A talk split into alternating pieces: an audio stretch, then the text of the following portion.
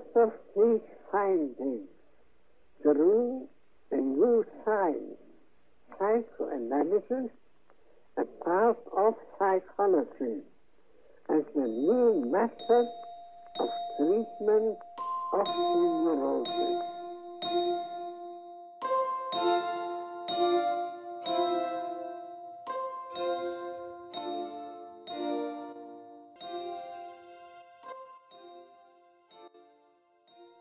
Herkese yeniden merhaba. Ee, oturumumuza 182. E, sayfadaki e, şu paragraf ile devam ediyoruz. Şöyle yazıyor Freud. Rüya sansürünün yöneldiği eğilimlerin her şeyden önce bu kurumun kendisi açısından tanımlanması gerekir. Bu durumda söylenecek tek şey bunların değişmez olarak ahlaki, estetik ve toplumsal açıdan ayıplanan, kabul edilmeyen bir yapıda yani kişinin düşünemediği ya da ancak tiksintiyle, tiksintiyle düşünebildiği şeyler olduğunu söylemek yeterlidir. Sansür edilen ve rüyalarda çarpıtılmış olarak dile getirilen bu arzular, dizginsiz ve acımasız bencilliğin en önemli dışa vurumudur. Kişinin egosunun her rüyasında ortaya çıktığı ve açık içerikte kendini gizlemeyi çok iyi bilse de başrolü oynadığı açıktır. Kuşkusuz rüyalardaki bu sakro egoismo uyurken takındığımız tavırla yani ilgimizi dış dünyanın tamamından çekmemizle ilişkilidir demiş bu.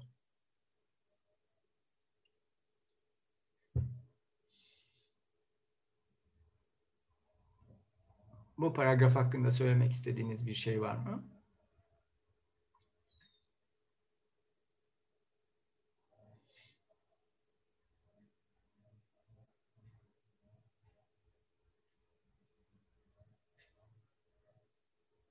Devam ediyorum müsaadenizle öyleyse. Her türlü ahlaki bağdan kurtulan ego, bütün cinsel arzularla hatta estetik yetiştirilme tarzımızda tamamen tarzımızda aşağılanan, ahlaki kısıtlamanın bütün gerekleriyle çelişen arzularla bile kendini barışık hisseder. Haz arzusu yani libido dediğimiz şey nesnelerini ketlemesiz seçer ve gerçekten de yasak olanları tercih eder. Sadece başkalarının karılarını değil, her türlü ensest nesnesini, annesini ve kız kardeşini, babasını ve erkek kardeşini. Parantez içerisinde bizim 50'lik hanımın rüyası da ensest içeriklidir. Libidosunun oğluna yöneldiği kesin demiş Freud. Devam ediyor. İnsan doğasından uzak olduğunu düşündüğümüz şehvetler rüya yaratacak kadar güçlüdür. Nefret de dizginsiz olarak ortaya çıkar. Uyanık yaşamda kişiye en yakın olan, çok, en çok sevdiği insanlara, ebeveynlerine, kardeşlerine, kocasına, karısına, kendi çocuklarına yönelik intikam arzuları çokça rastlanan şeylerdir. Sansür edilen bu arzular baş kaldırıyor gibidir. Uyanık yaşamda bu arzular yorumlandıktan sonra hiçbir sansür yeterince ağır gözükmez. Demiş Freud.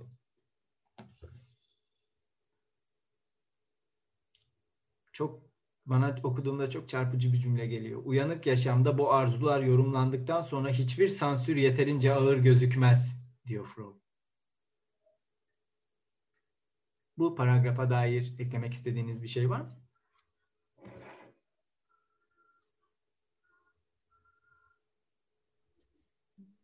Çarpıtabilir miyim biraz? İzninizle. Mesela Şitrinu diye ismini yanlış söylüyorum belki. Biri var ve benden bahsediyor sürekli. E- egoist. Egoist olmak gibi. Sanki bu bu bu güdülerin yüzeye çıkmasını sağlamaya çalışıyor gibi. Aslında top neyse bu kadar şey konuşmayayım. Aha İlker abi kendine sansür uyguladın. Evet, evet. Yani ama neden o, durdun ama başladın? Benim, yani benim için sansür nedeni. Evet. Bilinçli rüya. Kal, istersen uyanıkken anlat. Peki istersen o zaman bahsettiğin eserin bize yazarını ve adını yazarsan chatten sonra belki Biz de çalışırız, üzerine konuşuruz. Veya yani şimdi zorlamak istemediğim için böyle söylüyorum. Sen nasıl uygun görürsen. Var mı kendini sansürlemek istemeyen peki?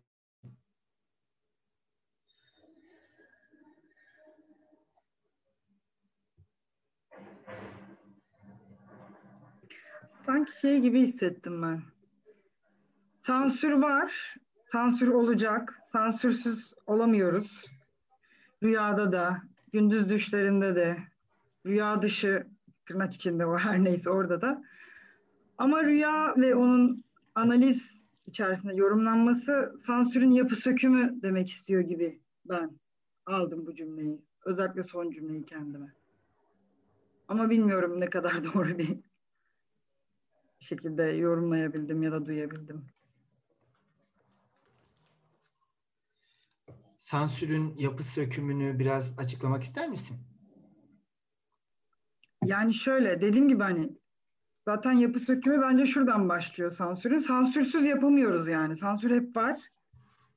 Hani ee, o sansürden tamamen azade bir yorum şey rüyada bile e, ya da analizde de sansürün olmadığı bir şeyden bahsedemiyoruz. Bir durumdan, bir halden, bir oluştan, bir devinimden.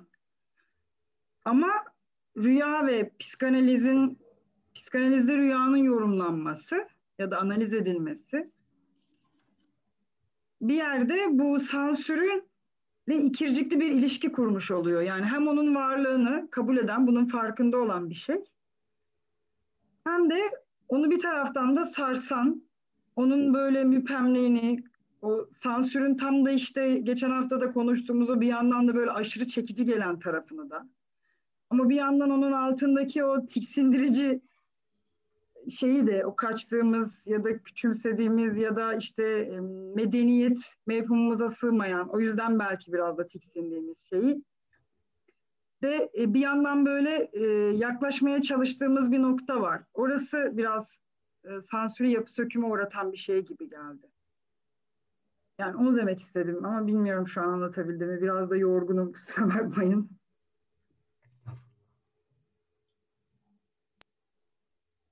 Ezgi Hanım işte yapı şey yapı söküm açısından düşünürsem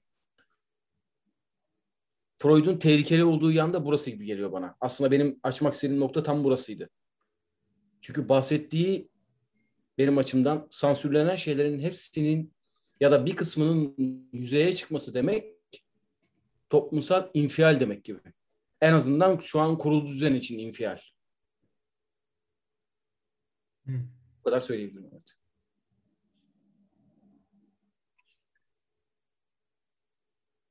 Ben bir şey ekleyebilirim belki. Yani bence birkaç bir cümle öncesinde verdiği örneklerin ne kadar ağır olduğunu tekrar düşünmek lazım. Yani hani çok kabul edilebilir şeylerden hani kardeşine, kocasına, karısına, çocuğuna karşı intikam. Bunlar çok konuşulmaz şeyler aslında. Bence bu örnekler çok ağır örnekler. Ee, ama burada sansürün yeterince ağır gözükmemesinin sebebi bence Freud'un bu bölümde özellikle ve daha fazla bir şeyin doğasına dair e, meseleyi dile getiriyor olması. Ya bu böyledir e, diyor olması. E, en azından bu çalışma içerisinde e, bence insanın doğasına dair e, bir şeyler söylediği için en azından bu kabule dayandığı için e, psikanalitik çalışma sansür bu yüzden yorumlandıktan sonra e, ağır gözükmüyor. Ben böyle düşündüm.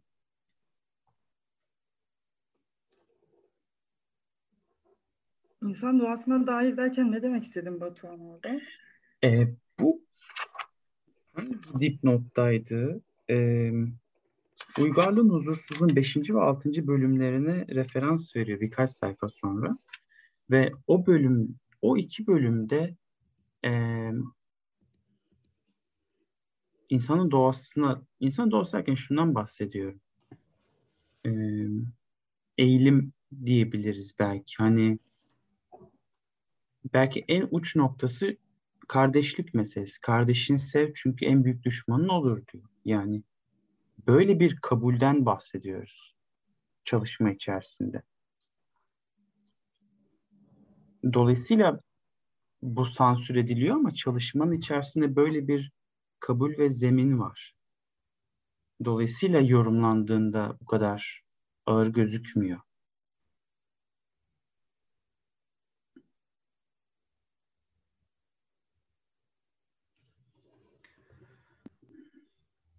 Yani çok fazla bir şey söylediğimi düşünmüyorum ama gene de böyle düşündüğümü söylemek istedim. E, bir şey sorabilir miyim Batuhan? Söylediğin şey peki doğası geriye kötüye eğilimlidir mi? Evet, onu demeye yakın. Çünkü birkaç sayfa sonra komün, e, bir komünizm düşüncesinin insanın doğasını iyi olarak tanımladığını, mülkiyetten sonra kötü olduğunu söylüyor. Ama diyor ki, ama mülkiyetten önce de savaşlar vardı, insanlar birbirini öldürüyordu. E, dolayısıyla doğa derken bundan bahsediyorum. Kötülük meselesi dile getirmesinin böyle bir anlamı olduğunu düşünüyorum.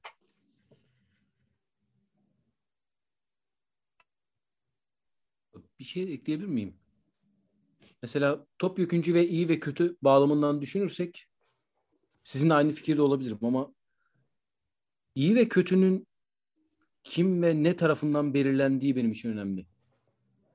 Mesela iyi ve kötü benim eylememi eylememi yani direkt ne diyeyim ona yürümemi engelliyorsa, akşam parkta oturmamı engelliyorsa bunun iyi mi kötü mü olduğuna nasıl karar vereceğim? Yani bu buna karar verecek olan kişi bensem ve bunun benim yerime başkası karar veriyorsa burada iyi ve kötünün çok değişken olduğunu biraz aslında biraz önce Yaren Hanım'ın söylediği şeye benziyor biraz. Yani nasıl düşünmemiz lazım bunu? Yani sadece kişinin benliğinin iyi ve kötü olmasından mı yoksa toplumda oluşan merkezi bir otoritenin perspektifinden mi düşünmemiz gerekir? Çünkü iyi kötü problemi biraz daha daha çok toplumsal yapının ve iktidar tarzı yapının belirlenimleriyle oluşmuş oluyor bir nevi benim gözümde. Halkın halkın iyi ve kötüyü oluşturduğunu düşünmem biraz abes kaçıyor. Yani çünkü tamam belki belirleyici olabilir belli bir noktaya kadar ama belli bir noktadan sonra onda takılıp kalacağını düşünmüyorum. Ama iktidar bunu yasalaştırdığı zaman yasanın etrafında artık iyi ve kötü oluşmaya başlıyor. Hırsızlık yapmayacaksın diyor mesela. Ama hırsızlık nedir dediğin zaman ben bambaşka noktalara giderim. Hırsızlığın nereden geldiğini, ne zaman başladığını, üzerine birçok durum var. O zaman ben burada rüyamda hırsızlık yaptığımı görürsem bu iyi mi kötü mü gibi. Bir başka pardon Batan sen. Ha, bir başka daha örnek vereyim. Yani e, hani insan doğası kötüdür diye bir şey yazmıyor. Ama e, bir başka örnek e, vereceğim. Freud buradaki güçlüğü dile getiriyor. Mesela komşunu kendin gibi sev üzerine düşünürken diyor ki yani daha yakından baktığımda güçlüklerle karşılaşıyorum. Oradan sayfadan okuyorum.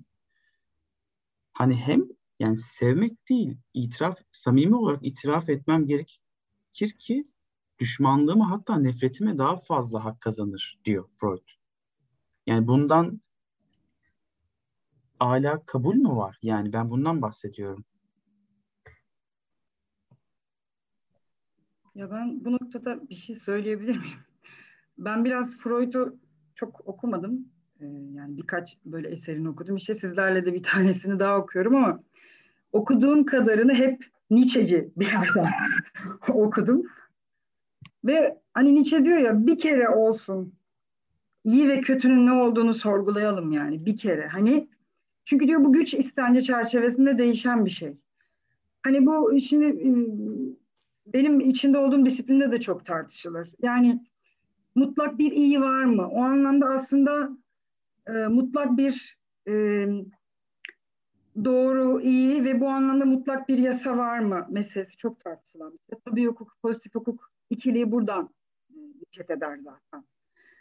Ve hani şey aslında bence psikanaliz e, burada bunu tam da işte e, yani sansüre yapı söküme uğratıyor derken de biraz aslında bunu demeye çalıştım. Aslında iyi ve kötünün ne olduğunu belirleyen şeyi de tartışmış oluyor. Yani bunun belirlendiğini, buna dair bir e, kayıtlama yapıldığını, yani bir şeye iyi demek, bence onu iyi olarak kaydetmek, işte bir aslında işte şiddet bir şey dediğim şey ya da şiddet dediğim şey tam da böyle bir şeydi aslında grupta da konuşmalarımızda. Ya biraz karışık e, şey yaptım şu an ama yani o anlamda bence psikanaliz tam da aslında iyi ve kötü ya da işte insan tabiatı diye bir şey var mıdır? Değişmez. Evet insan tabiatı diye bir şey bence vardır ama değişmez. Namütenahi. Dünyanın her yerinde. Her zaman aynı bir hani sen onu demek istedin demiyorum Batuhan yani ama hani benim en azından bu tartışmalarda söylemek istediğim şey bu sadece. Onu demek istiyorum. Hani değişmez. Her yerde aynı. Her zaman aynı bir insan tabiatından bahsedebilir miyiz? Bence tam da işte zaten e, psikanaliz bunun aksini de tartışabileceğimizin zeminini sunuyor gibi hissediyorum ben. Psikanalize dair bilgim az olmakla beraber söylüyorum bunu. Hatta hangi şeyde hatırlamıyorum da Foucault galiba tam da böyle bir şey söylüyor. Psikanaliz diyor tam da işte mutlak bir e, insan, mutlak bir insan tabiatı, bir insan hasreti, doğuştan gelmiş bir fıtrat ülkemizdeki meşhur şeyiyle. Olamayacağının zeminini açan şey psikanalizdir gibi bir şey söylüyor başka yerlerde iktidar falan diye olabilir ama bir yerde söylüyor bunu. Hani e, biraz aslında ben böyle düşünüyorum ya da ben böyle okudum. Okuduğum kadarıyla Freud'u. Biraz daha böyle Nietzsche'ci bir yerden okumaya çalıştım. Öyle okuyasım geldi galiba.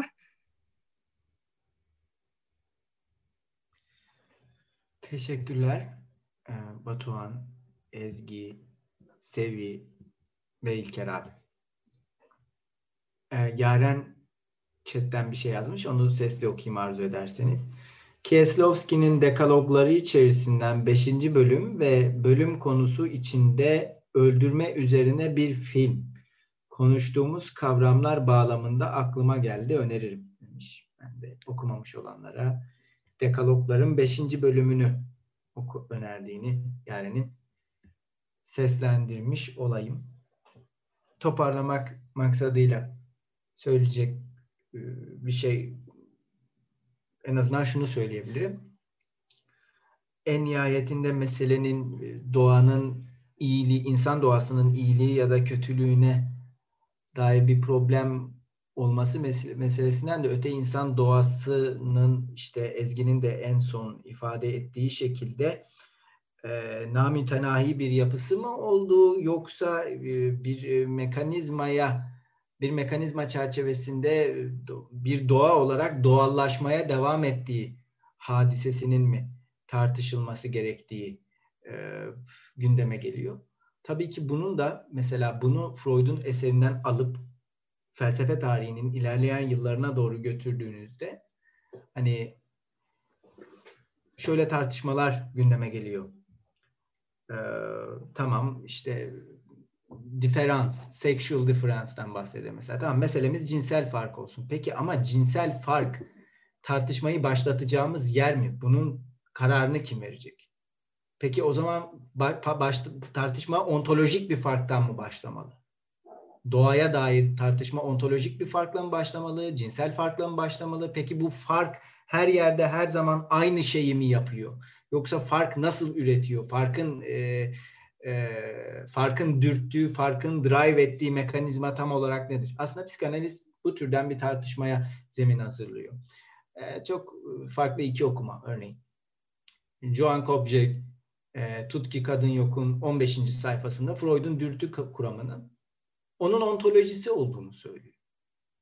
Ontolojik açıklamalarının temelini dürtüde bulabilirsiniz diyor. Simon Crishley Dusting üzerine bir makale yazıyor Freud'da ve Lacan'la Levinas'ı beraberce okuyor. Diyor ki Dusting yani Freud'un aslında 1895'teki projesi oradaki dine Bensmensch yani öteki insan Freud'un eserinde etiğin kökenidir diyor. İkisi de diferansı ve başka insanı aslında çünkü dürtüde başka bir insan, bir öteki kaçınılmaz olarak sahnededir. İkisi de başka bir insanı, birisi ontoloji üzerinden, birisi etik üzerinden problematize ediyor örneğin. Dolayısıyla evet, her birinizin söylediklerini destekleyecek alıntılar bulmak mümkün. Önce gelenin dürtü mü yoksa yasa mı olduğuna dair yoksa kitlelerin bir kişide hali hazırda olmayan bir şeyi ona sonradan soktuğuna mı yoksa onda olan bir şeyi açığa çıkarttığına mı dair Freud'un sormuş olduğu soruların hepsini gündeme getirmek mümkün. Ama en azından burada eğer bu bölümü okuduğumuzda insanın doğası denen şeyin iyi veya kötü olmasından ziyade doğanın nihai olması ya da olmaması hadisesi tartışılabilir kılıyorsa bence Freud'un eseri bu noktada amacına ulaşıyordur diye düşünebiliriz. Çünkü nihai bir doğadan da bahsetmek değil mi? O zaman bir özden bahsetmekten çok farklı olmazdı. Çünkü nihai doğanın ne olduğunu, onu belirleyenin neyi, ne, neyi belirlediğini konuşmanız gerekiyor. Vesaire. Bir şey daha sorabilir miyim o zaman bunun üzerine? Lütfen.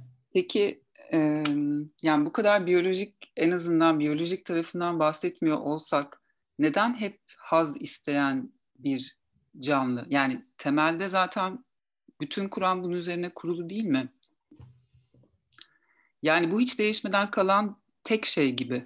Ama aslında Freud'un başka eserlerinde de hani gördüğüm zaten doğuştan prematüre olan ve e, yani beyin gelişimini bile doğduktan sonra tamamlayan bir canlıda bir şey verili sayılamaz gibi bir şey. Ama yani bu işte ölüm itkisi veya işte bu haz üzerinden oluşmuş bütün bu kuramın temel dayanağında zaten çok yani biyolojik bir yere mi oturtuyor diye hep e, böyle şey muallakta kalıyorum. Bilmiyorum anlatabildim.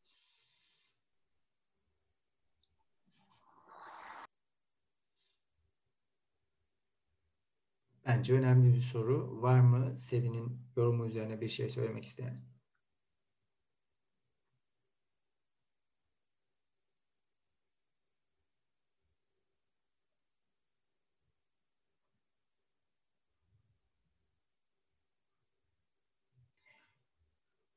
Benim de söylemek, söyle şu ana kadar söylediklerimden farklı, çok farklı söyleyebilecek bir şeyim olmadığı için müsaadenizle okumaya devam edeceğim. Ama şunu söyleyebilirim, şunu da söylemezsem dayanamam gerçekten. Bence Freud biyolojiden bir cevap gelseydi bunu seve seve kabul ederdi. Ama biyolojiden cevap gelmediği için çalışmaya devam etmiş gibi geliyor. Eğer biyologlar bir cevap bulabilseydi Freud emekli olurdu bence ama gelmediği için bir cevap ölene kadar çalışmaya devam etmiş. Ama diye yazıyor, kötü içeriğinden ötürü rüyaya kabahat bulmamanız gerek. Rüyanın uykunun devamını sağlamak gibi masum, hatta yararlı bir işlevi yerine getirdiğini unutmayın. Bu kötülük rüyaların temel doğasının bir parçası değildir. Haklı arzuların ve zorlayıcı bedensel ihtiyaçların doyumu olarak görülen rüyalar olduğunu hatırlayacaksınız. Rüyalarda bunlarda rüya çarpıtması olmadığı doğrudur. Ama egonun ahlaki ve estetik amaçlarına ters düşmeden işlevlerini yerine getirebildikleri için buna gerek de yok. Rüya çarpıtmasının iki etkenle orantılı olduğunu unutmayın. Sansür edilmesi gereken arzu ne kadar kötüyse ya da o andaki sansür gereği ne kadar zorlayıcıysa çarpıtma da o kadar fazla olur.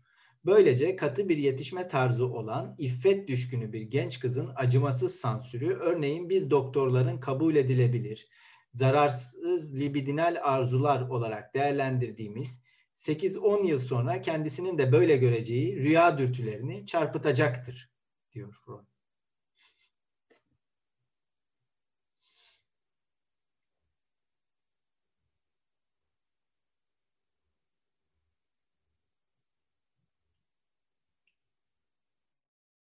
Devam ediyorum.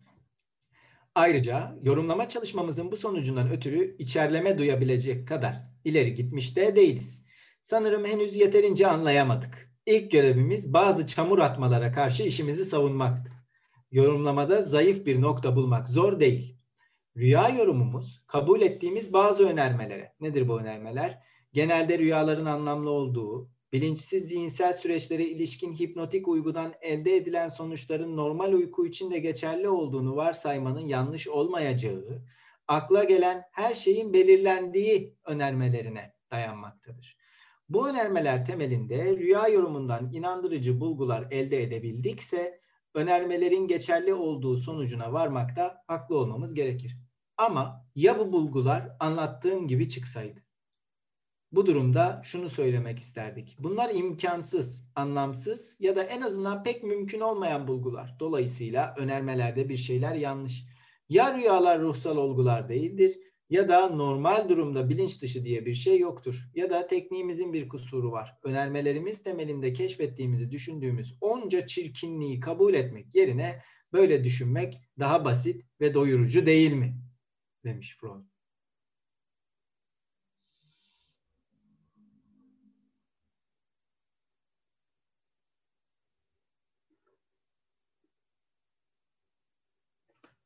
Devam edeyim.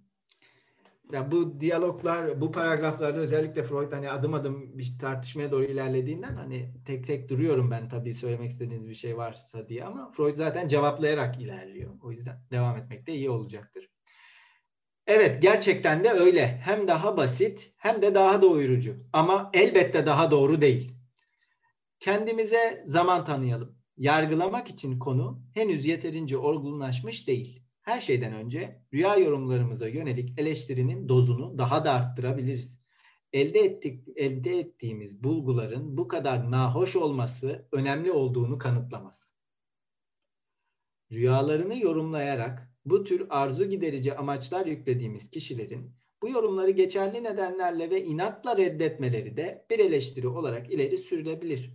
Bu rüyaya dayanarak der birisi, beni kız kardeşimin çeyizine, diğer kardeşimin eğitimine harcadığım para için pişmanlık duyduğuma inandırmaya çalışıyorsunuz. Ama bu mümkün değil. Ben sadece kardeşlerim için çalıştım. Hayatta ailenin en büyüğü olarak rahmetli annemize söz verdiğim gibi onlara karşı görevlerimi yerime yerine getirmekten başka bir düşüncem olmadı. Ya da bir hanım şöyle diyecektir. Kocamın ölmesini arzuladığımı mı düşünüyorsunuz? Bu saçma, can sıkıcı bir şey çok mutlu bir evliliğimiz olması bir yana ama buna sen inanmazsın. Onun ölümü dünyada sahip olduğum her şeyi kaybetmem anlamına gelir. Ya da bir başkası şöyle cevap verir. Kız kardeşimi arzuladığımı mı söylüyorsunuz? Saçma. O benim için bir anlam ifade etmiyor. Onunla dargınız. Yıllardır tek kelime konuşmuşluğumuz bile yok bu kişiler kendilerine yüklediğimiz, atfettiğimiz demiş parantez içerisinde niyetleri doğrulama veya inkar etme yolunu seçmeselerdi bile ciddiye almayabilirdik. Ama yüklediğimiz arzunun tam karşıtını hissettikleri ve yaşamlarına bu karşı arzunun yön verdiğini kanıtlayabildikleri zaman buna elbette şaşırmamız gerekir. Rüya yorumlaması konusunda yaptığımız onca çalışmayı bulguları ad absürduma yani saçmalığa indirgenen bir şey olarak bir köşeye atmanın zamanı gelmedi mi? Demiş bro. Devam ediyor. İsterseniz ben de devam edebilirim. Heyecanla ilerliyor çünkü kendisi. Soruları kendisine yönelterek. Ama durayım. Var mı söylemek istediğiniz bir şey bu paragrafa dair? Şu cümle önemliydi bence. Ben bunu hani naçizane söyleyip geçeceğim hemen. Elde ettiğimiz bulguların bu kadar nahoş olması önemli olduğunu kanıtlamaz. Bence bu önemli bir cümleydi. Hani ben en azından bugün tekrar okurken öyle düşünmüştüm. Evet. Ben de şunun altını çizebilirim. Ad ab, absordum. Yani saçma demek yerine bunu bu Latince ifadeyi kullanmasının da bir sebebi olabilir. Çünkü uygarlığın huzursuzluğunda benzer bir ifade var. Hmm, credo absurdum gibi bir evet, şey var değil saçma mi? Saçma çünkü inanıyorum gibi. Evet. Ama bilmiyorum. Takip etmek gerekir. Bu kadar. Teşekkürler. Ben böyle yani naçizane fikrim böyle yorumların çok önemli olduğunu düşünüyorum. Evet Freud'u çeviriden okuyoruz ama bazen gerçekten gözümüze çarpacak kadar kimi kelime veya cümle tercihlerinin tekrarını görme şansımız oluyor. Karşılaştırarak da okuyoruz zaten çoğu zaman. Ve dolayısıyla bu tekrarlar gündeme geldiğinde ben de sana katılıyorum. Hani e tabii ki bunun pek çok sebebi olabilir. Örneğin muhataplarının e, e, bilim insanları olduğunu düşünecek olursak belki hani o çevrede belki bir çalışmayı alaya almak için böyle Latin, Latince çeşitli kalıplar kullanılıyor olabilir. Pek çok sebebi olabilir. E, ama yine de ben de önemli olduğunu düşünüyorum. Teşekkürler o yüzden. Devam edeyim. Evet, bulguları bir köşeye atıyor muyuz diyor Freud. Devam edecek. Demiş ki bir saniye pardon. Hayır, henüz değil. Oh. Ha, bu arada şunu da söylemek istiyorum. Şu örnek çok komikti. Ona da gülmüştüm. Kaçırmak istemiyorum. Onunla dargınız. Yıllardır tek kelime konuşmuşluğumuz bile yok. Bu şahane bir inkar. Yani tek kelime konuşmuş olsam kardeşimi arzulayacağım mı demek istiyorsun ya. Bu da şahane bir inkarmış gerçekten. Çok gülmüştüm bunu okuduğumda. Ama önemli. Hani Freud da öyle örnekler veriyor ya hep o yüzden. Komik gülüm yani. Şaka benim değil ama yine de ben söyleyince. Sonuçta Freud'un telifi kalktı biliyorsunuz o yüzden. Hayır, henüz değil. Eleştirel bir incelemeyle bu güçlü argümanı bile çökertebiliriz. Ruhsal yaşamda bilinç dışı amaçlar bulunduğunu kabul edersek, bilinçli yaşamda bunlara karşıt amaçların egemen olduğunu göstermek bir şey kanıtlamaz. Belki de ruhsal yapıda karşıt eğilimler, çelişkiler yan yana var olabilmektedir. Gerçekten de bir dürtünün ağır basması, karşıtının bilinçsiz olması için gerekli bir koşuldur. Dolayısıyla geriye ortaya konan ilk itirazlar kalır.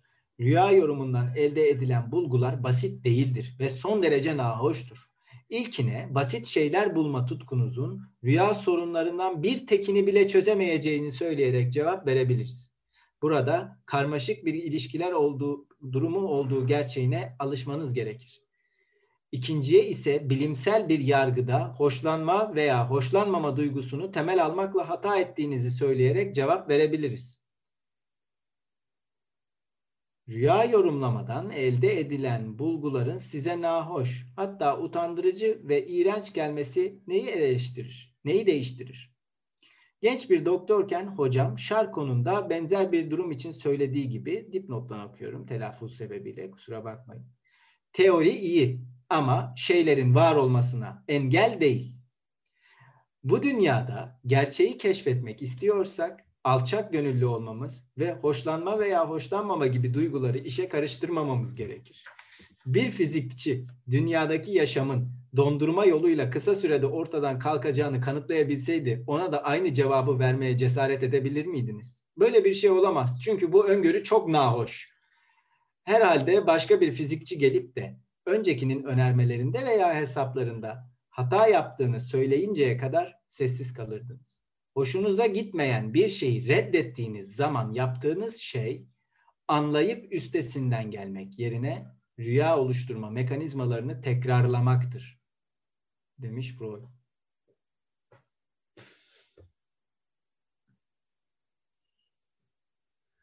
Bu konuda eklemek istediğiniz bir şey var mı?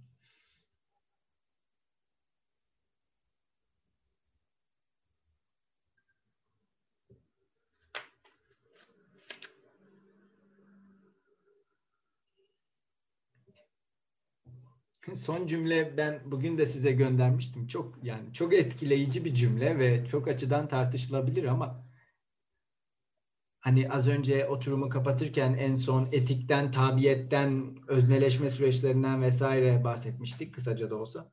Hoşunuza gitmeyen bir şey reddettiğiniz zaman yaptığınız şey anlayıp üstesinden gelmek yerine rüya oluşturma mekanizmalarını tekrarlamaktır diye bir ifade kullanıp bir de altını çizmesi Freud'un Hatırlıyor musunuz? Geçtiğimiz oturumlarda bir edebiyat ödülünü almanın ya da almamanın ne anlama geleceğinden bahsetmiştik örneğin. Ya da davet edildiğiniz bir yerde konuşmanın ya da konuşmamanın.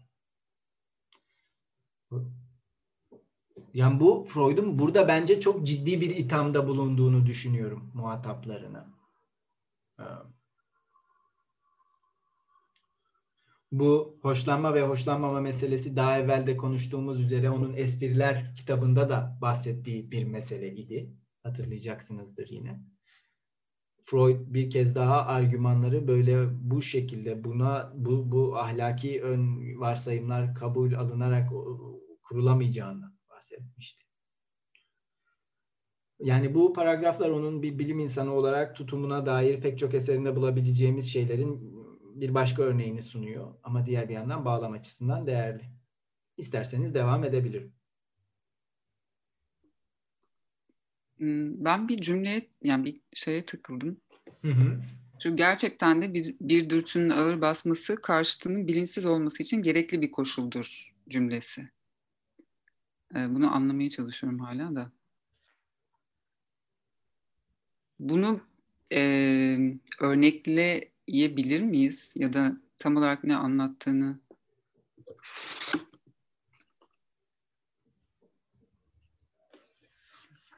Var mı söz almak isteyen?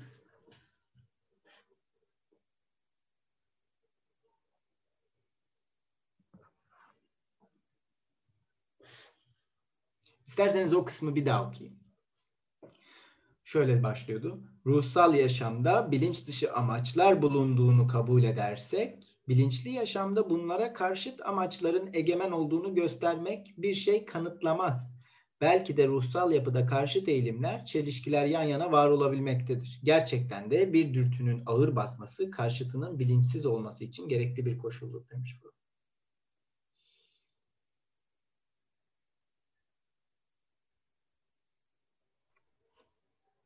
Yani bu bilinçsiz olması gerekliliğine takıldım galiba. Hmm. Bilinç dışı olması demek istiyor. Doğru anlıyorsam. Hı belki şeyden bahsediyordur. Buradaki yani e, dil sürçmelerindeki mekanizmaya benzer bir şeyden bahsediyor benim ok- okuyabildiğim kadarıyla. Hı. Evet, anladım demek istediğini. Aklıma şeyi getirdi. Ya Şimdi mesela ne diyor burada? İşte kız kardeşini arzulamıyor. O arzulamadığını söylüyor değil mi? Bunun aslında ne diyor? Dürtünün ağır basması karşıtının bilinçsiz olması için gerekli bir koşuldur. Bunun onun için bilinçsiz olduğunu düşünüyorum. Kız, kız kardeşimi arzulamıyorum dediğinde bu bilinçsiz bir şey onun için. Artık bilinçsiz bir duruma getirmiş gibi düşünüyorum. Yani dürtü ağır basması karşıtının bilinçsiz olması için gerekli bir koşuldur. Tersten mi okuyorum diye düşünüyorum şu an. Dürtünün ağır basması karşıtının bilinçsiz olması için gerekli bir koşuldur. Yani dürtü bilinçli bir konumda mı o zaman burada? Yoksa iki bilinç dışı dürtüden yani dürtü dediğimiz şey bilinçli ve bunun karşılığında da bilinç dışında bir karşıtı var öyle mi? Ki bu şekilde dürtü haline geliyor aslında. Çünkü gerekli diyor.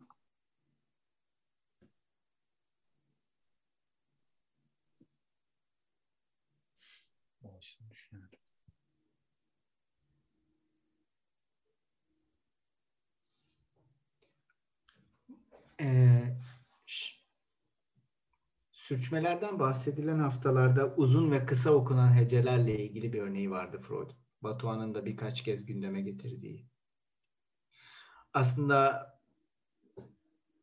ruhsal yaşamdaki uyarımsızlık hali ve semptomların altında yatan uzlaşmaya dayalı mekanizma aklınıza gelebilecek pek çok şey. Yani burada bence Freud'un kastettiği şey ekonomik bir e, açıklamanın tezahürü ve de hani bu dengenin e, bu çatışmanın bilinç mertebesinde sürdürüldüğü takdirde yani üstlenilebilecek ya da bilinç mertebesinde sürdürülebilecek en azından bir nevrotik için doğrudan bir çatışma olamayacağından hani uzlaşımın ancak birisinin bilinç dışı vaziyette bilinçli belki pek çok eylemin arka planda onları belirleyerek veya onların içerisinde var olmaya devam ederek e, varlığını sürdüreceği ama diğer bir yandan diğer dürtünün de pekala bilinçli olabilecek çeşitli gösterenlerle temsil edilebileceği gibi bir hadiseden bahsediyor gibi geldi bana ama hani daha fazlasını bu cümleden açıkçası okuyamıyorum. Bana biraz aslında şey gibi 182'deki e, bu hani kuşkusuz rüyalardaki bu kutsal bencillik, uyurken takındığımız tavırla yani ilgimizi dış dünyanın tamamından çekmemizle ilişkilidir e, dediği yer ve sonrasında her türlü ahlaki bağdan kurtulan ego. Bütün cinsel arzularla hatta estetik yerleştirilme bu burayla başlayan paragraf. Biraz ben e, bu cümleden tam olarak aslında yani orada bilinç uyuyor. Yani o yani e, buradaki yani egonun bu bağdan kurtulması, e, bu ahlaki bağdan kurtulması biraz ben bu cümleyi böyle duydum. Yani bilinçsiz olmak derken e, dış dünyadan aslında o çekilmek tam da o kutsal bencillik dediği hal gibi. E, ancak bu şekilde mümkün olabilir e, gibi düşündüm bu cümleyi. Yani dürtünün ağır basmasının koşulunun e, daki bilinçsizliğin biraz böyle olabileceğini düşündüm. Yani doğru yanlış bilmiyorum ama. Bilinç dışıdan bahsetmiyorsunuz. Yani bilinçsizlik hali bir tür e, dalgınlık demeyeyim ama hani bir tür şey hali gibi mi? Yani uyurken e, bu tamamen yani bu gerçekten bilmiyorum. Ben okurken de benim dikkatimi çeken bir yer olmuştu. Bu kutsal bencillik e, kavramının geçtiği yer. E, ben tam olarak aslında o bilinçsizlik halini o e, dış dış dünyada hani çekilmenin e, sonucunda yani bu söylediğiniz cümlede de bilinçsiz m, kelimesini biraz öyle okudum. Belki daha önceki paragraflarda benim dikkatimi çeken orası olmasından dolayı da olabilir bu. E, yani en doğru cevabı bu diye değil ama e, bana biraz bunu çağrıştıran bir şey. Yani burada her türlü ahlaki bağdan e, kurtulması egonun. Yani e, orada biraz şey gibi hani uyuyor. Yani hala uyuyor. Yani o bilinçsizlik bana onu biraz çağrıştırıyor. E, bilmiyorum açıklayabildim mi ama Doğru anlıyorsam tanımıyor şeklinde bir bilinçsizlik mi? tanımıyor gibi ben e, Yani şey karşı çıkmak anlamında tanımıyor değil de fark etmemek gibi bir ya da tanımlamamak mı diyeyim? daha e, belki doğru kelime ne olabilir bilmiyorum ama daha belki hmm, sönük kalmak mı diyebilirim? Bilmiyorum tam e, e, bunu karşılayacak bir kelime nasıl kullanabilirim ama hmm, tam da işte o uyku hali aslında tam da bilinçsiz olma hali ve e, bilinç dışı ile ilişkili bir süreçten bahsediyoruz rüyalarda ve burada dürtünün ağır basması tam da o bilinçsizlik halinde e, ilişkili bir şey gibi geliyor bana. Yani bu bilinçsizliği biraz ben buradan okuyorum. E, yani bu özellikle de kutsal bencillik kavramıyla birlikte düşündüğümde bana böyle geliyor biraz. Teşekkürler. Böyle kalsın niye çeviriyorsun? Ee, devam edeyim müsaadenizle. Şimdi belki de sansürlü rüya arzularının nahoş yapısını bir yana bırakmaya söz verecek ve insan yapısında kötülüğün böylesine büyük bir yer tutmasının pek mümkün olmadığını söyleyeceksiniz. Ama kendi deneyimleriniz bu sözleri haklı çıkarıyor mu? Kendi gözünüzde nasıl olduğunuzu tartışmayacağım. Ama üstlerinizde ve rakiplerinizde o kadar iyilikseverlik, düşmanlarınızda o kadar şövalyelik ve sosyal çevrenizde o kadar az çekememezlik görüyorsunuz ki insan doğasında bencilce bir kötülüğün olduğu sözlerine karşı çıkmayı bir görev sayıyorsunuz. Ortalama insanın cinsel yaşamla ilgili her konuda ne kadar kontrolsüz ve güvenilmez olduğunu farkında değil misiniz? Yoksa geceleri rüyamızda gördüğümüz bütün günahların, aşırılıkların gerçek yaşamda uyanık insanlar tarafından işlendiğini veya yapıldığını bilmiyor musunuz? Psikanalizin burada yaptığı tek şey Platon'un sadece hayal etmekle yetinenlerin iyi, gerçekten yapanların kötü insanlar olduğu yolundaki eski özdeyişini doğrulamak değil midir? Demiş bu. Korkunç bir paragraf gerçekten. Hani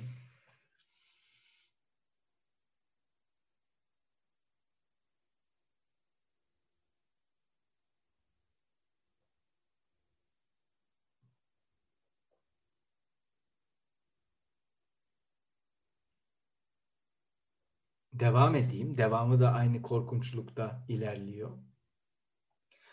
Hem bireyleri bırakıp bugün Avrupa'yı tüketen büyük savaşı bir düşünün.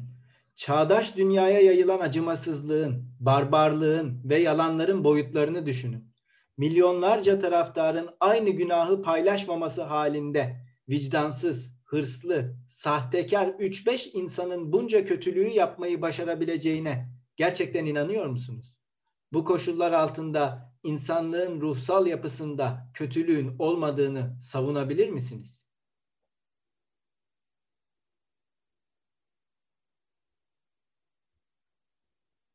Savaşa ilişkin yargımın tek yanlı olduğunu, yani savaşın ayrıca insandaki en soylu, en güzel şeyleri, yani kahramanlığı, özveriyi, toplum bilincini de ortaya çıkardığını söyleyerek karşı çıkacaksınız. Kuşkusuz. Ama şimdi de bir şeyi savunduğu için bir başka şeyi inkar etmekle suçlanan psikanalize sık sık yapılan haksızlığa ortak olmuyor musunuz? Niyetimiz insan doğasındaki soylu çabaları inkar etmek değil. Bunları değerden düşürecek bir şey yapmış da değiliz. Tersine size sadece rüyalarda sansür edilen kötülük arzularını değil, bunları bastıran ve tanınmaz hale getiren sansürden de söz ediyorum. İnsandaki kötülüğü daha çok vurgulamamızın tek nedeni başkalarının bunu inkar ederek insan ruhunu daha iyileştirmek şöyle dursun, daha anlaşılmaz kılmalarıdır.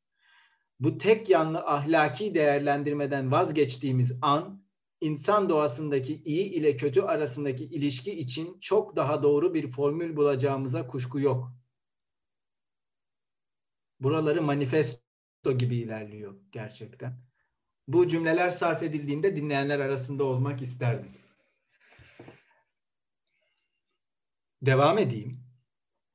Kısacası tuhaf da bulsak rüya yorumundan elde ettiğimiz bulgulardan vazgeçmemiz gerekmiyor. Belki daha sonra başka bir yönden yaklaşarak da anlamanın bir yolunu bulacağız. Şimdilik şununla yetinelim. Çarpıtma, egonun kabul edilen amaçları tarafından uyku sırasında içimizde uyanan ve şu veya bu nedenle kabul edilemez olan arzu giderici dürtülere karşı uygulanan sansürün bir sonucudur. Bunun neden özellikle gece olduğu ve bastırılan bu arzuların nereden geldiği kuşkusuz araştırmaya değer konulardır. Doğa, tekrar doğayı bakın, doğa soruları sormaya başlıyor. Neden gece, nereden geliyorlar? Doğallıkla ilgili bir soru bu. Nereden geldiği sorusu. Tamam, kötülük. Tüm e, yüce, tüm soylu şeylerle beraberce kabul edilsin ama hem soylu olan için hem kötü olan için aynı şey geçerli. Nereden geliyor? Soyluluk, soyluluğun kendisini açıklamaya yetiyor? Kötülük kötülüğün kendisini açıklamaya yetiyor mu? Kötü bir eylemi analiz etmeye kalkmak, onun niçin yapılmış olduğunu söylemek bile diyelim ki onu geriye doğru izlemek, o eylem için motivasyon kaynaklarını tespit etmeye çalışmak, o kötülüğü açıklamak için yeterli mi? Tüm motivasyon kaynakları var olduğunda bile o eylemin tercih edilmemesi hala etik bir ihtimal değil midir? Yalnızca sebeplerin olması o eylemi gerçekleştireceğiniz anlamına mı gelmelidir? O halde niçin aynı sebeplere maruz kalan, aynı sebeplerin içerisinden gelen iki insan aynı eylemi gerçekleştirmiyor? Neden? Aynı soru. Neden aynı koşulların içerisinden gelen, aynı şeylerle büyüyen iki insanda aynı nevrozu göremiyoruz diye soruyordu Freud kardeşlerde. İşte buralardan politikayı okuyor. Aynı soru bu. Yetiyor mu, yetecek mi koşullarla açıklamak? Gerçekten 3-5 insanın kötülüğü mü?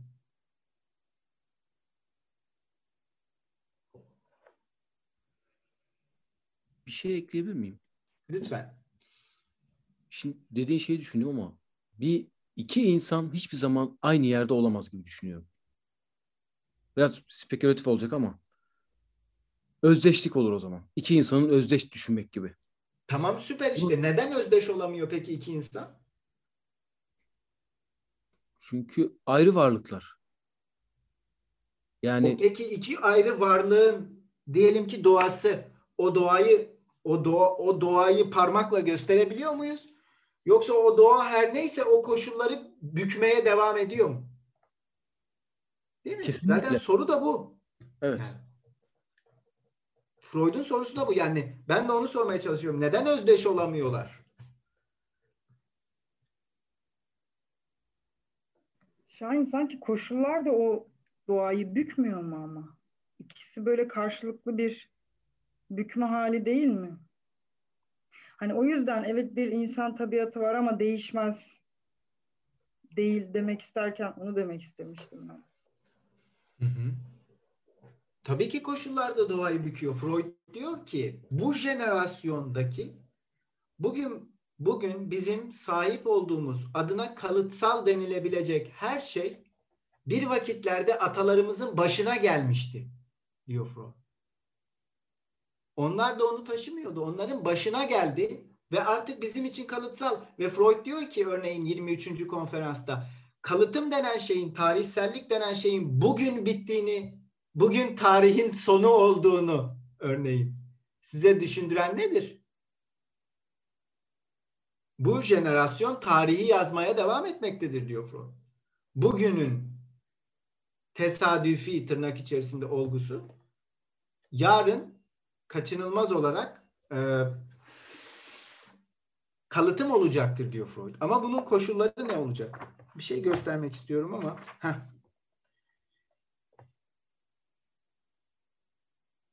Şimdi iki şey göstereceğim. Yani iki tane şema var 23. derste. Öteki yayınlarında Elif'in kitabından bakıyorum 428 ve 29. sayfalar. PDF de kısmı PDF'de de oralarda olabilir. Bu Freud'un şeması tamam mı? Bir tane Freud şeması çiziyor burada 23. konferansta bulabilirsiniz. Dipnotta da dipnotta da editör bir şema çiziyor ve diyor ki bakın İlker abi bu belki senin ilgini çekebilir. Freud diyor ki yani Freud nevrozun nedenini açıklıyor. Şöyle diyor. Nevrozun nedeni eşittir. Libidonun fiksasyonu, rastlantıya bağlı deneyim. Travmatik bir deneyim diyor. Bu deneyimle eşleşen iki şey var. Cinsel yapı ve çocukluk deneyimi. Tamam mı? Bakın bu Freud'un şeması. Editörün çizdiği şemaya bakın. Aynı yerde. Editör şöyle bir not düşmüş. Okur aşağıdaki jeneolojik ağaç biçimindeki şemayı izlemeyi daha kolay bulabilir. Sorum şu. Niçin bu çevirmen bir okurun tarihsel açıdan belirlenmiş soy kütüksel olarak neden sonuç halinde birbirinin üstüne eklenerek gelecek bir şemayı anlayabileceğinin daha kolay olduğunu düşünüyor. Bu tam olarak örneğin e, bayağı fallogosantrik bir şey bu.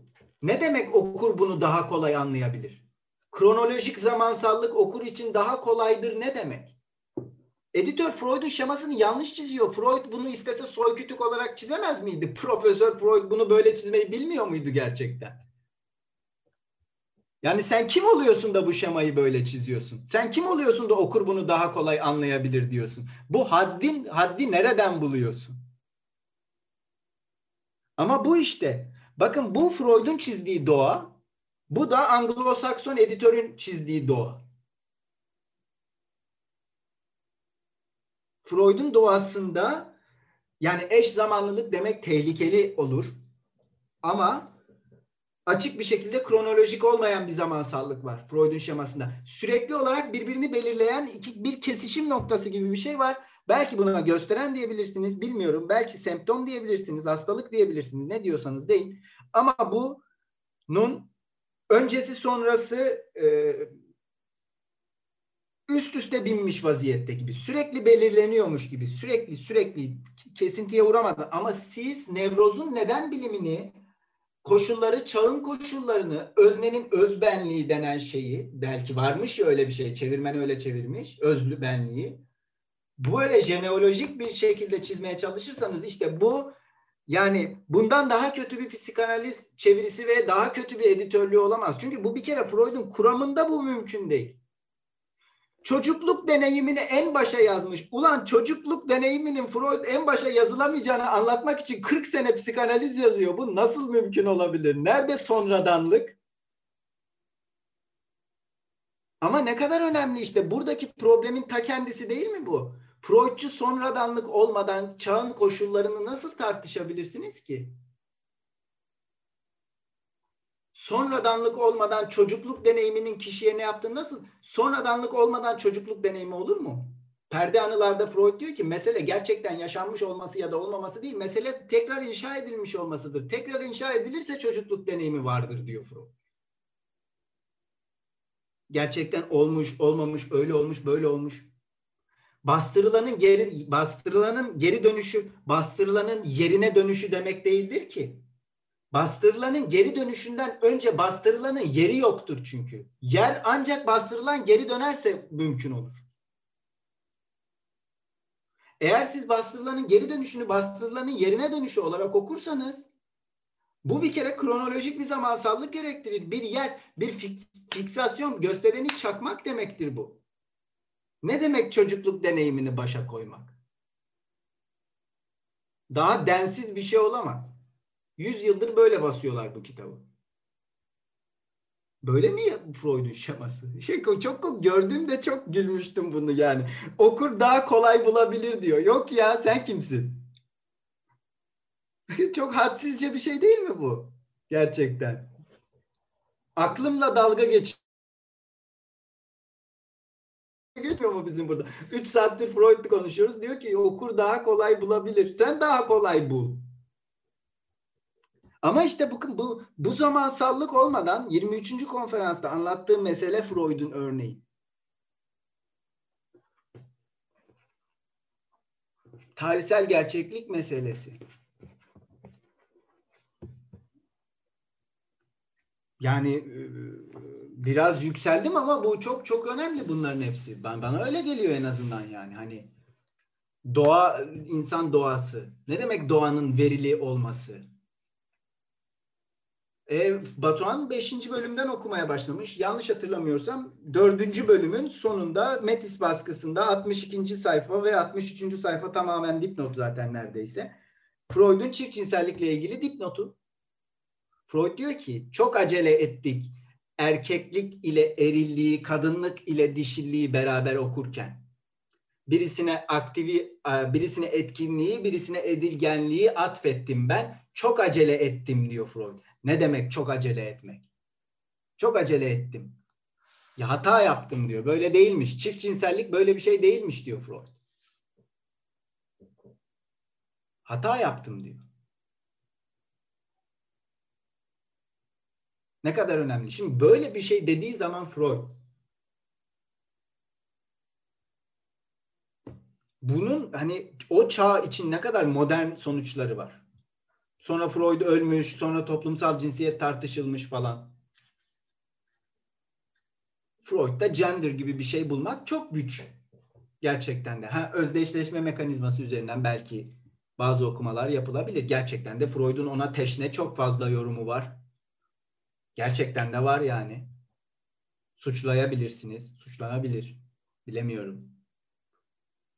Var ama o son mu onu ben bilmiyorum gerçekten. Bu bu yorumların hepsi çok kötü. Kötü yani kötülüğün doğası. Yani çok acayip bir yorum bu. Ee, daha iyi bir formül bulacağız diyor Freud ileride. Bilmiyor daha iyi bir formülün ne olacağını ama diyor ki bulacağız yani. Buluruz, bulacağız. Daha iyi bir formül. Ama şu soru çok önemli değil mi? Yani hani bilmiyorum. Ben mesela aşina değilim. Sayıp dökülse bir eylemin tüm koşulları. Yeter mi o eylemi açıklamaya? Hiç mi boşluk kalmıyor? Gerçekten de.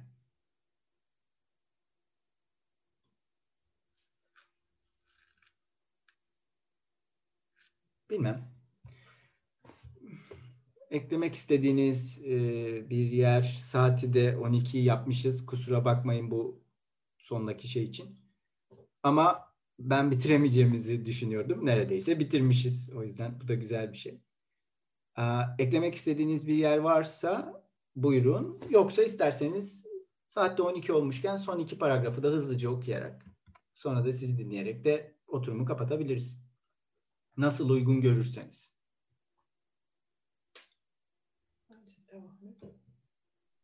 Okuyayım o zaman. Yaren bir şey mi söyleyecektin? Hani ne yapalım dediğin için devam edebiliriz dedim. Fikir belirttim. ha tamam okuyayım. Hemen okuyayım. Kısacası tuhaf da bulsak rüya yorumundan elde ettiğimiz bulgulardan vazgeçmiyor, gelmemiz gerekmiyor dediği yeri okumuştuk galiba Hı, değil mi? Ama Ama bu noktada incelemelerimizin bir başka sonucunu yeterince vurgulamayı ihmal etmemiz haksızlık olacaktır. Kişi onu uykusunda rahatsız eden rüya arzularını bilmez. Ancak rüya yorumlama yoluyla öğrenir. Dolayısıyla bunların tartıştığımız anlamda o an için bilinçsiz olarak tanımlanması gerekir. Ama bunların anlığın da ötesinde bilinçsiz olduğunu düşünmemiz gerek. Anlığın da ötesinde bilinçsiz. Birçok örnekte de gördüğümüz gibi kişi rüyasının yorumuyla öğren yorumuyla öğrendikten sonra da bunları inkar eder.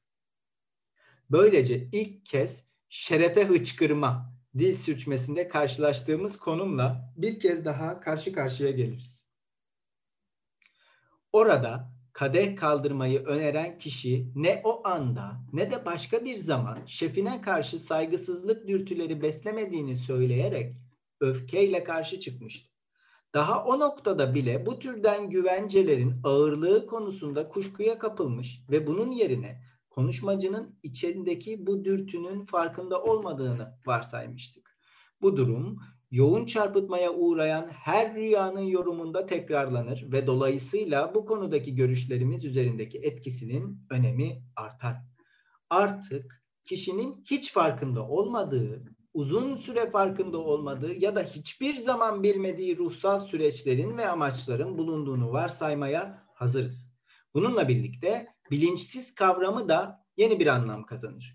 O an için veya geçicilik özelliği ortadan kalkar. Bu sadece o an için gizli anlamına değil, kalıcı olarak bilinçsiz anlamına da gelebilir. Elbette başka bir yerde bu konuda daha çok şey söylememiz gerekecek. Diyor Freud ve biz de uzun zaman sonra bir oturumda bölümümüzü bitirebiliyoruz. Ee, söylemek istediğiniz bir şey var mı bu bölüme dair genel olarak ya da son paragraflara dair herhangi bir şey? Ben bir şey söyleyebilirim. Ee, iki hafta önce miydi Umut'un konuşmasında hani bir şey sormuştum. Bilinç dışı hakkında bir şey söylemişti Umut. Lacan referansıyla. Göz göre göre demişti. Ben de birazcık itiraz eder tonda bunu bilince yaklaştırıyor olduğunu söylemiştim. Şimdi burada tekrar hatırladım. Yani orada Umut gösterip kaybolan değil, göz göre göre demişti. Sanki bu eğer Lacan okuyanlar varsa belki bahseder. Bunun onunla alakası olabilir mi diye düşündüm e, okuduğumda. Kalıcı dediği için. Tabii gene göz göre göre bir anlamı yok belki ama e, ve burada o an için derken hani kazara değil e, bundan da bahsediyor ama aklıma bu geldi. Dinleyenler de varsa sanki e, bununla ilişkiliymiş gibi geldi.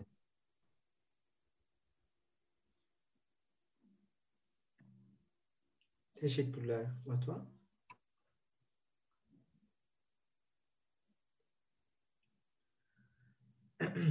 Belki Umut'a sormamız gerekebilir. Ben de yorum yaparsam ne bildiğim bir konu ne de bir fikrim var şu anda. Başka eklemek istediğiniz bir şey var mı peki?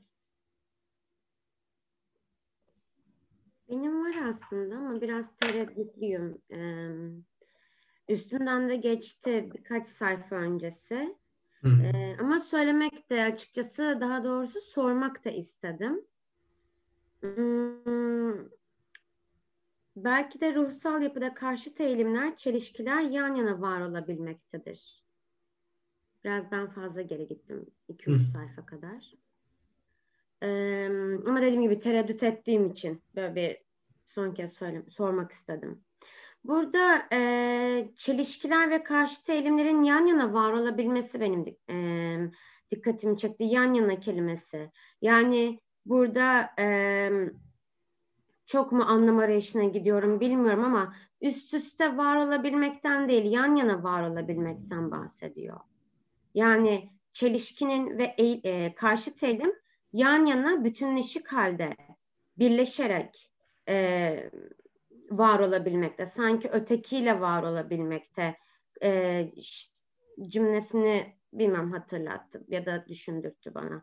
Üst üste binse sanki onunla hemhal olurdu. Onunla tamamen iç içe geçerdi ama yan yana olması yine bir ötekiyle bir e, öteki derken bir diğeri aynı şeye denk geliyor ama yani ifade edemedim.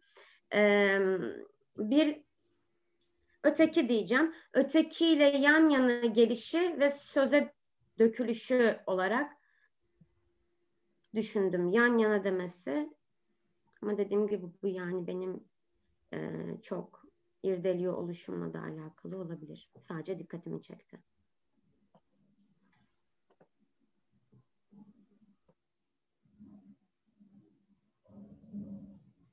Belki ötekiyle gibi değil de hani onun e, dolayımıyla gibi. Yani ben şu anda e, biraz söylediklerinden bunu düşündüm aslında.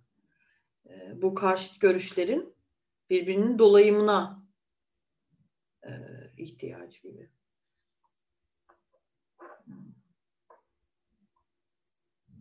Bu aklıma geldi. O açıdan düşünmemiştim ben.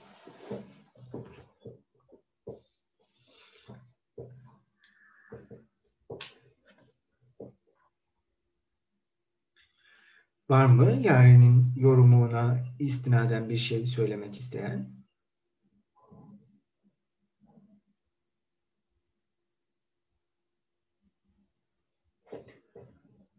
Bu bence çok önemli bir yorum Yaren. Açıkçası sen söylemeseydin asla fark edeceğim bir şey de değildi. Ben çok okudum ve geçtim. Daha önce de okuyup geçmiştim.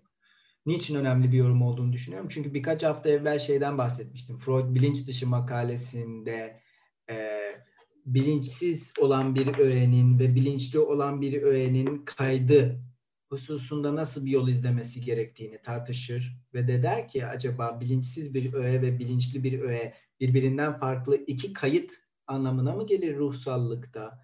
Yoksa bir kayıt vardır ve onun işlevinde bir yapı, niteliksel bir değişiklik geçirir. Onun neticesinde çevrilir, bilinçli bir öğe haline gelir mi demek lazım. Hatta yine buradakine benzer bir şekilde der ki bir kimseyi bilinç dışı olan bir öğe hakkında farkındalık kazandırmak, onu ona söylemek aynı kaydın acaba ikilenmesi anlamına mı gelir? Bilinçsiz ve bilinçli olacak şekilde yoksa işte yine aynı şekilde burada başka bir sorun mu vardır?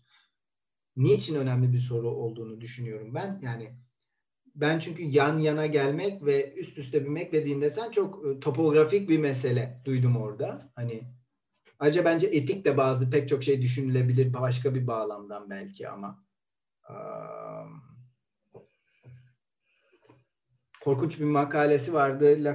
Levinas'ın Batuhan bilir şey ahit e, seçkiler içerisinde, metis seçkilerinde eskiden yüz yüze bakardık artık yan yanayız diyor Levinas yasayla ilgili olarak. Eskiden yüz yüzeydik artık yan yanayız ve ileriye doğru gidiyoruz diyor. ama işte sonra Freud'un bu kayıp meselesini çözmek için, içerisinden çıkmak için yani bulduğu yol işte Dustling, e, Dizake, Ford Vorstellung onlara ortaya atmak ve gösteren kuramını sunmak bize. Yani. E, dolayısıyla burada bir de şu var. Bu konferansların üçüncü bölümünden evvel Freud'un en büyük dertlerinden bir tanesi nevrozların uzlaşı ürünleri olduğunu ortaya koymak olacak. Yani karşıt olan, antitetik olan iki şeyin birbiriyle uzlaşarak aslında bir şiddet içerisinde daha evvel de söylemiştim Benjamin'e atıfta bulunarak. Çünkü uzlaşının kaçınılmaz bir şiddet gerektirmesi sebebiyle bir şiddet içerisinde bir semptom ortaya koymalarından bahsedecek. Yani bir karşıtlığın bir semptoma dönüşmesi ve aslında üst üste binmeleri belki e, doğru olmayabilir. Niçin? Çünkü üst üste binerken uzlaşının gerektirdiği bir şey yok orada. Bir kayıp. E, çünkü uzlaşabilmek için bir şeyden feragat etmeniz gerekir ya hani. Dolayısıyla belki iç içe geçmek olabilir. Çünkü niçin örneğin iç içe geçtiğinizde kesişim noktalarınız olabilir değil mi? Hani vesaire. Böyle çok acayip garipçe speküle ediyorum ama nihayetinde belki o kaybı daha iyi gösterir. Ama en azından e, yan yana bulunmasıyla ilgili olarak hani bu bir çeşit e, ambivalanstan bahsedecek olursak örneğin nesneye yönelmiş olan bir çeşit ambivalanstan e, o ambivalansın aynı nesneye yöneldiğini söyleyecek olursak e, orada henüz herhangi bir hiyerarşiden bahsetmek mümkün değil. Dolayısıyla yan yana olduğunu söyleyebilirsin eğer hayal etmek istiyorsan o iki şeyin. Birbirine ast ya da üst pozisyonda değiller. Yan yanalar. Tamam? Çünkü üst üste binen iki şey de birisi üstte olabilir. Ee, ama ambivalansın nihayetinde örneğin işte bir sevgi, aşk ilanında e, nefretin de e, onun arka yüzü olması esasında e, sadece sevgi tarafından baktığınız için nefret arka yüzü oluyor. Dolayısıyla yine bir hiyerarşiden bahsetmemiş oluyorsunuz teknik olarak. Yine yan yana oluyorlar. Belki belki taban tabana zıtlar ama hani gibi bilmem. Çok saçma olabilir ama aklıma bunlar geldi benim yani. Başka bir şey gelmedi.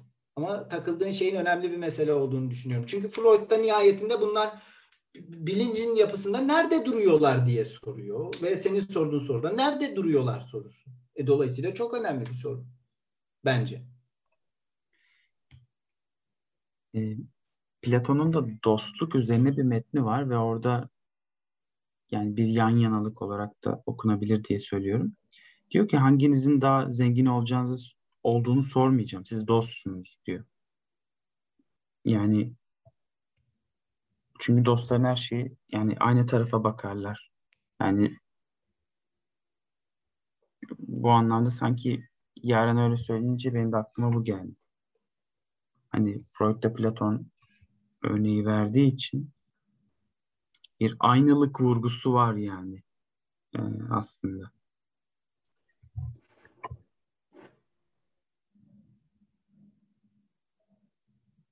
Orada mı geçiyordu? Dostların her şeyi ortaktır. Değil mi? Dostların her şeyi ortaktır. Bir de Mehmet Hoca'nın sık sık verdiği dostlar birbirine borç vermez para verir örneği var ama onu dostlarım söyleyince biraz insan panikliyor. Dostlar birbirine borç vermez para verir şeklinde gelince niyetinin etik tartışması tabii farklı oluyor. Dostların her şeyi bir ortaktır evet. Ben de hatırladım şimdi. Ama ben okumadım. Okuduğumu iddia edemem. Ben başka bir yerden duymuştum. Çok teşekkürler herkese. Saat 12 çeyrek geçiyor. Bu kayıtlara geçecek şekilde en uzun oturumumuzdu. Ama bölümümüzü bitirdik.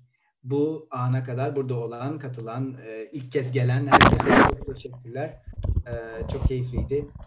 Önümüzdeki hafta yine çarşamba günü akşam saat 9'da Rüyalarda Sembolizm başlıklı 10. konferansı çalışmaya başlayacağız. Her zaman söylediğim gibi bu oturumları gerçekleştirirken kaçınılmaz olarak bazı tartışmaları uzatıp bazı tartışmaları kısa tutabiliyoruz. O yüzden hani ilginizi çeken bir konu olursa ve bu konuda daha çok şey söylemek istiyorsanız her zaman bir sunum teklifine bence açığız. Daha erken buluşabiliriz. Yarım saat bile olsa siz sunun sonradan oturuma geçebiliriz. Bunların hepsi mümkün. Örneğin bu oturum geç başladı çünkü arada bir konu konuşuldu değil mi? Mesela bu konu bir sunum haline gelebilirdi. Bu mümkün. Hani e, sözünü kesmiş olduğum birisi varsa oturumu devam ettirmek için kusura bakmasın ve de böyle bir imkanın hep açık olduğunu bilsin. Benim için bu kadardı bu haftalık söyleyeceklerim. Teşekkür ederim kendi adıma.